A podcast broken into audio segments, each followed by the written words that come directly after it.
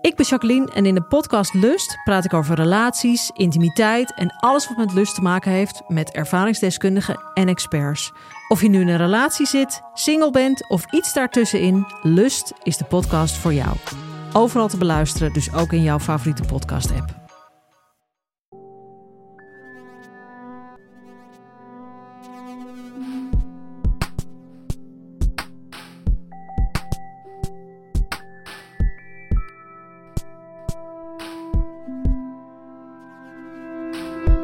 Hey, ik ben Pieter van Relaas.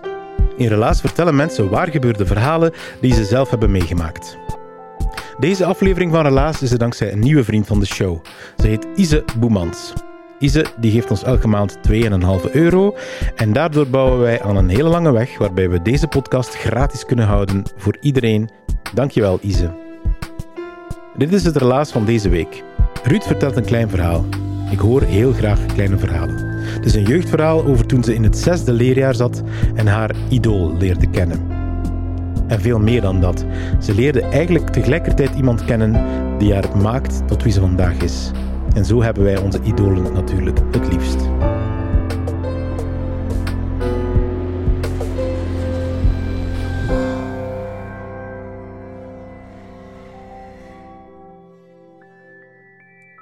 Ik ben acht jaar, ik zit in het derde leerjaar en ik ben zo een van die kinderen die super nieuwsgierig is en leergierig.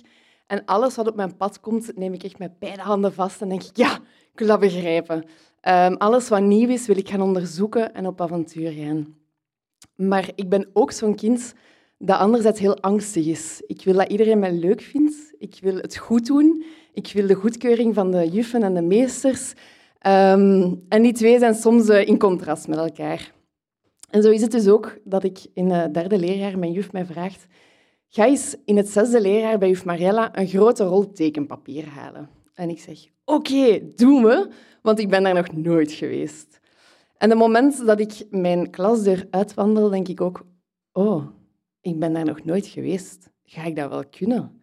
Ik moet een verdiep omhoog, dat ik niet ken. Ik moet een klas vinden die ik niet ken. Ik moet iemand aanspreken die ik nog nooit gezien heb. Laat staan die dertig kinderen die dan ook aanstaren, die nog eens drie jaar ouder zijn. Dus ik begin zo'n beetje uh, koud watervrees te krijgen.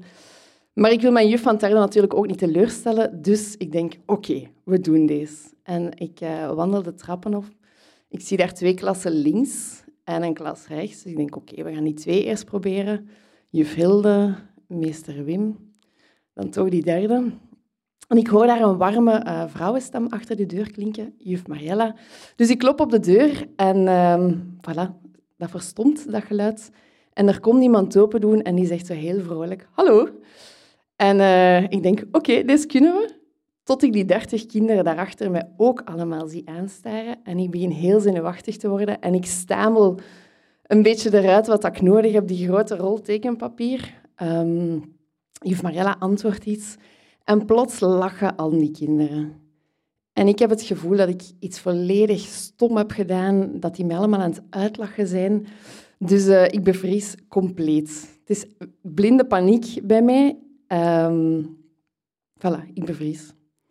Het volgende moment dat ik bewust meemaak, sta ik terug voor mijn deur van het derde leerjaar met die rol tekenpapier in mijn hand en denk ik, oké, ik had er toch nog niet zo slecht van afgebracht. Ik heb gedaan wat aan mij gevraagd was.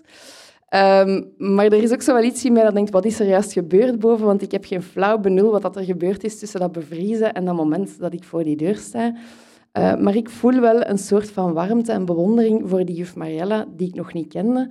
Want zij heeft mij daar duidelijk op de goede manier, met wat dat ik nodig had, uitgekregen en terug tot het derde leerjaar gekregen. Dat was mijn eerste ontmoeting met juf Mariella. En dat was ook echt de start van iets wat een giga-impact zou hebben op mijn leven. Het derde leerjaar passeert. En af en toe kom ik juf Mariella wel eens tegen in de gang. En dan uh, zegt zij ook altijd vriendelijk dag.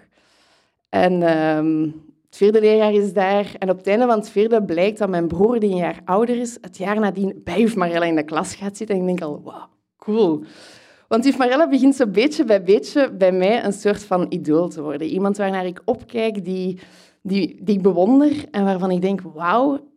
En vooral, ik wil daar zelf bij in de klas zitten als ik in het zesde leerjaar zit. Mijn mama ziet daar dan ook veel op oudercontacten en wordt daar soort van bevriend mee. Um, dus ik hoor thuis veel over juf Marielle en dat wordt zo echt een beetje een, ja, een, beeld in mijn hoofd. En ik heb geluk, want op het einde van het vijfde blijkt, ik mag volgend jaar in de klas van juf Marielle zitten.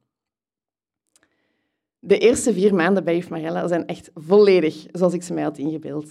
Um, s ochtends gaat de bel en dan gaan we allemaal in onze klasrij gaan staan. En dan komt daar een uh, vrouw naar buiten met zo van die donkere uh, krullen die rond haar gezicht warrelen. Zij heeft een uh, grote glimlach op haar gezicht en loopt recht op haar klasrij af. Um, juf Marella heeft gemaquilleerde ogen, altijd een zwart lijntje eronder, mascara aan. En onder haar donkere krullen komen zo van die typische 90s zilveren oorbellen onderuit. Elke dag dezelfde. En zij is vrolijk, zij straalt uh, een enorme levenslust af. Je ziet dat ook, zij van die ogen die echt heel hard stralen. En iedereen die dat in haar buurt is, krijgt zo het gevoel van... Wauw, yes, hier wil ik zijn. Mijn broer noemde haar ooit een begripvolle moeder die er is voor iedereen en waar dat iedereen ook gewoon blij is om bij te zijn. Juf Marella. En ik zat in haar klas. Er is zo ook een moment geweest dat... Um, zij gaf bijnamen aan uh, haar leerlingen. Ik was Rutti Frutti. En uh, zij moedigen ons ook aan van, ja, jullie zijn nu twaalf jaar en, en, binnenkort gaan jullie naar de middelbare school, dus misschien mocht je ook wel voor jezelf eens een mailadres aanmaken, dat je wat volwassener bent, als je apart kunnen mailen. Bij mij werd dat dan natuurlijk de bijnaam van mijn idool, Rutti Frutti, een of ander cijfer, at hotmail.com. Um, en zij gaf mij vaak het gevoel van, ik ben eigenlijk wel oké zoals ik ben. Bij haar moest ik niet mij gaan bewijzen en voelde ik niet de drang van, ik wil dat zij mij leuk vindt, want ik was gewoon leuk. Ik was gewoon goed zoals ik was. En dat, dat, dat was de eerste keer dat ik dat zo echt mocht ervaren. En dat ik mij ook echt op, het gemak voelde, op mijn gemak voelde bij een juffrouw. Um, en zij zag ook vaak in mensen van, ja, daar is iets, ik ga dat, ik ga dat talent naar voren brengen. En bij mij voelde zij dus ook dat er een hele grote goesting tot ontdekking was, maar dat er ook die rem was door de angst van ja, maar ik ga dat niet kunnen. En toen ik dus in het zesde zat, bleek er een uh, schooltoneel te zijn dat we één keer om de zes jaar met onze school deden. En uh, er waren audities. Audities om de hoofdrollen te spelen. Want elke klas ging sowieso meedoen, maar er waren ook hoofdrollen. En ze zei, Rut, doe dat maar. Dat is iets voor u. En ik dacht, ja, maar ik kan dat niet, want ik heb dat nog nooit gedaan. En dus die angst remde mij volledig af. En zij heeft mij daar echt in aangemoedigd van, van doe dat maar. Um, dus ik doe auditie en ik heb ook een van die hoofdrollen. En ik heb daar echt een fantastische tijd in dat schooltoneel. Dus voor mij is juf Mariella echt ja, de het idool dat ik daarvoor dacht dat ze ging zijn. Dat was het ook volledig. Zij doet mij openbloeien, zij ondersteunt mij. Dat is gewoon volledig ja, een begripvolle moeder die volledig ondersteunt. En dan kwam de kerstvakantie. En juf Mariella was nadien zo'n beetje gespannen en ook af en toe afwezig. En ik had zoiets zeg, na al die jaren wachten om bij u in de klas te zitten, en nu heb ik u als juffrouw en jij zei er niet altijd. Ik, ik was wat boos en teleurgesteld dat zij mij en mijn klasgenoten in de steek liet. En dan kwam de krokusvakantie en daarna is juf Mariella nooit meer teruggekomen. Uh, wij kregen het nieuws dat ze ziek was en dat wij dus een vervangjuf kregen. Maar die was helemaal niet zo leuk als juf Marella. Dat ging ook niet, want ja... Um, dus we waren daar wel triestig om. En ik had eigenlijk wel geluk, want ja, mijn mama was bevriend geworden met juf Marella. En dat is ook een zorgster. Dus zij ging af en toe wel langs bij mijn juf. En dan zei maar dat is wel mijn juf, dus ik ga mee als je gaat. En dan ging ze ook af en toe als ik school had, en dan was ik boos, want dat is mijn juf. En ik wou mee. Maar ik had eigenlijk wel echt geluk en ik was vooral heel dankbaar dat ik mijn juf nog kon zien. Want mijn andere klasgenoten hadden dat niet. En zo is er een dag dat ik, uh, dat ik bij juf Mariella samen met mijn mama toekom. En uh, dat ik, ja, haar, liefdevolle verschijning is daar en die grote warme lach uh, ontvangt ons. En terwijl we daar zijn, uh, zeggen juf Mariella en mijn, mijn mama van ja, ga maar even in de speelhoek zitten van haar kinderen. En ik wil dat helemaal niet, want ik wil eigenlijk erbij zijn. Um, maar ik doe dat dan toch. Maar ik ben echt wel aan het luisteren, vinken, omdat ik ja, zoveel mogelijk bij mijn juf wil zijn. En dat is de eerste keer ook dat, dat ik naast die grote liefde en, en die vreugdevolle vrouw, dat ik daar ook heel veel verdriet door hoor. Uh, dat ik ze hoor huilen en dat ik, dat ik angst in haar stem hoor. Uh, en dat ik haar eigenlijk op, voor de eerste keer op een andere manier leer kennen.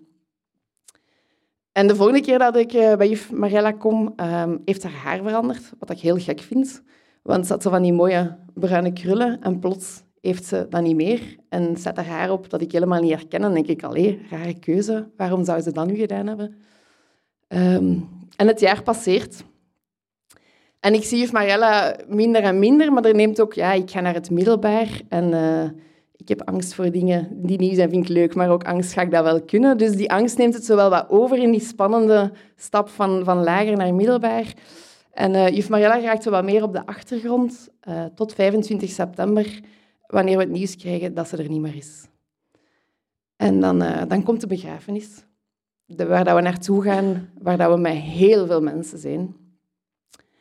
Ik had het gevoel dat de hele school daar was en drie keer meer volk. niet iedereen geraakte in die kerk, dat was gewoon een bomvolle kerk. En ik zit met al mijn vrienden vooraan, uh, met al mijn klasgenoten samen.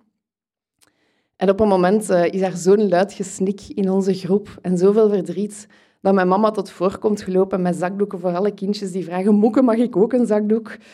Omdat ze voelt van, deze is ja, een heel groot verdriet, want iedereen zag juf Mariella graag. Um, en ik heb een t-shirt aan die voor mij ook juf Mariella is. Ik wou niet in het zwart gaan, ik wou per se die witte t-shirt met een blauwe hemel en een gigantisch zonnebloemenveld eronder aandoen. Want dat is wat dat zij altijd een mooie t-shirt vond en wat dat zij ook uitdroeg. De zon en schijnen en het leven is mooi. En, en dat, dat was voor mij, juf Mariella, dus op haar begrafenis had ik zoiets, ja, deze t-shirt doe ik aan. De jaren gaan verder en uh, elke keer als ik het moeilijk heb in het middelbaar met studeren, uh, of als die faalangst volledig de overhand krijgt, dan uh, kijk ik naar het doodsbrandje dat op mijn bureau staat. En dan ga ik in gesprek met juf en dan vraag ik... Allee, dat vertrouwen dat jij mij had, geef mij dat nu ook eens. En dat, dat helpt mij door te babbelen met haar. Voel ik gewoon dat zij erbij is. En met dat de jaren passeren, dan raakt zij ook iets meer op de achtergrond. Ik leer heel veel nieuwe mensen kennen. En ik heb een ja, gigantisch geluk eigenlijk dat ik heel veel mensen leer kennen die mij inspireren en die mij tonen wat dat er allemaal mogelijk is en mij het gevoel geven, je mag er gewoon zijn. Je moet je niet bewijzen, je moet niet goed doen. Wie dat je bent, is oké. Maar juf Marella gaat voor mij, los dan misschien van mijn ouders, wel altijd die eerste persoon zijn waarbij dat ik gewoon mezelf mocht zijn. Waarbij dat alles oké was. De eerste persoon die mij heeft getoond, mijn liefde is eigenlijk alles mogelijk.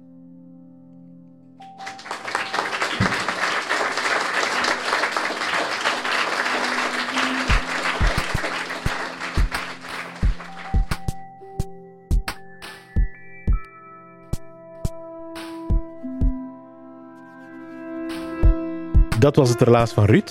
Ze heeft het verteld in maart van 2023 in Huzet in Gent. En ik ken Ruud een beetje, dat is niet toevallig. Ruud is een van onze coaches van Relaas. Dat betekent dat zij onze vertellers mee begeleidt om hun verhaal te ontdekken, om er vorm aan te geven en om het op een goede manier op een podium te brengen.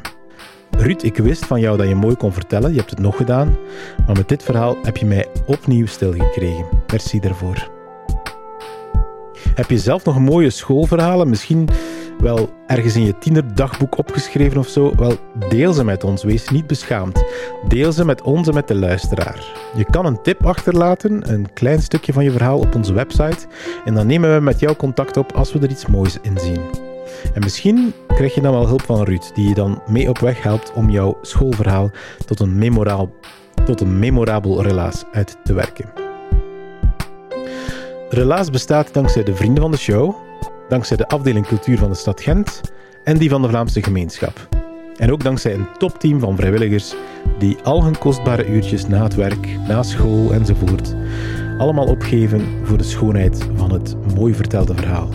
Dankjewel om te luisteren en onthoud, gewoon zijn wie je bent. Dat is al dik oké.